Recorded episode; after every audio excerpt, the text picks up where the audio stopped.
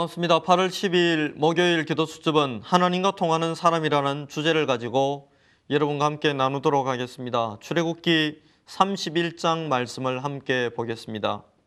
여호와께서 모세에게 말씀하여 이르시되 내가 유다 지파 홀의 손자요 우리의 아들인 버살레를 지명하여 부르고 하나님의 영을 그에게 충만하게 하여 지혜와 총명과 지식과 여러 가지 재주로 정교한 일을 연구하여 금과 은과 노스로 만들게 하며 아멘. 하나님과 통하기만 하면 시대를 살리는 응답의 주역이 될 수 있고 하나님과 통하기만 하면 우리는 참 능력자로 이 땅을 변화시키는 삶을 살아갈 수가 있습니다. 많은 사람이 문제 앞에서 희망을 가지고 용기를 내라고 이야기합니다. 그러나 하나님의 사람 모세는 하나님 앞에서 철저한 절망의 순간을 가졌습니다. 이러한 절망의 순간이 모세에게 있었지만 그는 하나님과 통하는 비밀을 회복함으로 어려움에 처한 이스라엘을 변화시키는 변화의 주역이 되었습니다. 어린 시절 모세는 입양하였지만 그의 어머니를 통해서 한 시대를 살릴 하나님의 언약과 방법을 전달받았습니다. 하나님의 자녀는 가난의 문제, 인간관계의 문제, 정신 문제, 영적 문제 등 오늘의 문제 앞에서 확실한 언약을 붙잡아야 합니다. 이러한 언약 속에서 하나님을 만난 사람들은 전부 렘넌트 일곱 명의 비밀처럼 비밀을 가진 축복을 누렸습니다. 첫 번째, 출애굽의 언약입니다. 모세를 불러나신 하나님은 인간의 힘으로는 해결할 수 없는 문제를 해결할 피제사에 관한 언약을 주셨습니다. 모세가 왕자라는 신분을 가지고 폭력을 행사하면서 권력을 가지고 할 수 없었던 일. 모세가 자기 민족을 사랑하는 몸속에 흐르는 이스라엘 민족이라는 그 뜨거운 피를 가지고 해결할 수 없었던 일. 그의 열정과 젊음을 가지고 해결할 수 없었던 일. 그 일을 해결할 수 있는 키를 하나님은 모세에게 허락하셨습니다. 하나님을 떠난 사람에게 재앙과 저주는 여섯 가지 형태로 시간표를 따라서 나타나게 되어 있습니다. 이러한 재앙과 저주를 해결할 수 있는 유일한 길은 예수 그리스도 밖에 없습니다. 열 가지 재앙이 왔지만 마지막 재앙 피를 바르는 그날 그 순간까지는 이스라엘은 출애굽할 수가 없었습니다. 하나님을 떠난 사람들에게 찾아오는 이 저주와 재앙을 해결할 수 있는 유일한 길. 어린 양의 피를 문설주에 바르는 그 순간 이스라엘 모든 백성들은 장자가 죽어가는 재앙과 저주를 피할 수 있었습니다. 이것이 복음의 능력입니다. 복음을 전해야 할 이유가 여기에 있습니다. 불신자에게는 어떤 사람에게는 이미 저주와 재앙의 시간표가 왔고 어떤 사람에게는 저주와 재앙의 시간표가 임박했고 어떤 사람은 왔는데도 모르고 살고 있는 경우도 있습니다. 그리고 가장 문제가 되는 사람은 영원히 이런 저주와 재앙이 자기에게 오지 않을 것이라고 착각하고 살아가는 경우입니다.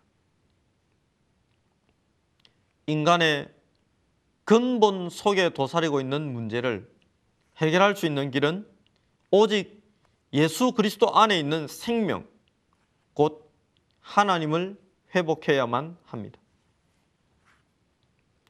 혹시 저와 여러분이 겪고 있는 문제가 있다면 그 문제가 불신자에게 정확한 답을 줄 수 있는 하나님의 응답의 방법일 수 있습니다. 그리스도 보혈의 능력이 지금 저와 여러분과 상관이 있는지, 그리스도를 전파하고자 하는 뜨거운 마음이 여러분과 제 마음 속에 있는지, 하나님의 전도 스케줄이 우리의 인생의 여정마다 담겨져 있다는 것을 알았던 바울, 그것을 알았던 평신도 중직자 빌립처럼 이 사실을 알고 있는지 한번 저와 여러분은 점검해 보아야 합니다. 현장을 바꾸고 현실을 바꿀 수 있는 보혈이 그리스도의 십자가의 피가 지금 저와 여러분 속에 흘러가고 있습니다. 두 번째, 하나님의 손에 붙잡힌 인생입니다. 인간은 하나님을 만나야 참 행복합니다. 하나님을 만나고 영적인 힘이 있어야 참 응답의 사람으로 살아갈 수가 있습니다. 참된 행복을 지키려면 힘이 필요합니다. 평화를 지키기 위해서는 강한 군대가 필수입니다. 천안함 사태에서 우리가 볼 수 있는 것처럼 강한 국방과 군사력을 가지고 있지 않으면 참 평화는 참 행복은 나의 것이 될 수가 없는 것이죠. 이러한 영적인 큰 힘을 회복하는 은혜가 있기를 바랍니다. 그래서 하나님은 이스라엘 백성들을 성막 중심으로 생활하도록 하셨습니다. 성막을 중심으로 하나님이 주시는 힘을 얻고 하나님을 만나고 하나님의 말씀을 듣고 성전에서 기도하면서 그리스도의 언약을 붙드는 비밀을 가지고 승리할 수 있도록 하나님은 이스라엘 백성들을 축복하셨습니다. 저와 여러분의 신앙생활이 얼마나 현장에 얼마나 구체성을 가지고 있는지 점검해 보십시오. 하나님은 사람을 지명하고 부르시고 성령 충만을 주시고 지혜와 명철과 건강과 모든 필요를 채우시는 분입니다. 저와 여러분의 인생의 주인이 누구입니까? 하나님이 저와 여러분의 인생의 주인이 맞다면 저와 여러분은 하나님의 절대 주권을 의지해야 합니다. 하나님의 절대 주권 속에 있는 나의 인생을 발견했다면 이제는 하나님의 절대 계획 속으로 들어가는 결단이 필요합니다. 사도행전 13장에 나왔던 인물들은 하나님의 절대 계획 속으로 들어가기 위하여 금식하며 기도했습니다. 이러한 축복이 저와 여러분에게 있을 때 현장을 살리는 사실적인 전도자의 삶을 살아갈 수 있게 될 것입니다. 오늘의 포럼을 나누겠습니다. 나를 부르신 하나님께서 내가 해야 할 일을 감당할 능력도 주십니다. 부르심의 소명이 있나요? 언약을 깨닫고 행할 수 있도록 성령의 도우심을 강구해 보세요.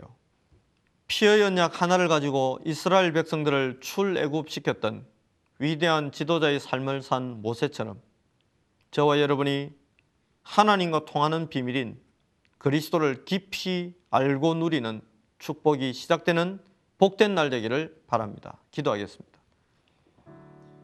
하나만 통했는데 하나님과 통하고 세계를 살렸던 응답의 사람들처럼 우리가 복음 하나 그 하나를 가지고 하나님과 통하고 세계를 살리는 응답의 주역이 되게 하옵소서. 예수님의 이름으로 기도합니다. 아멘.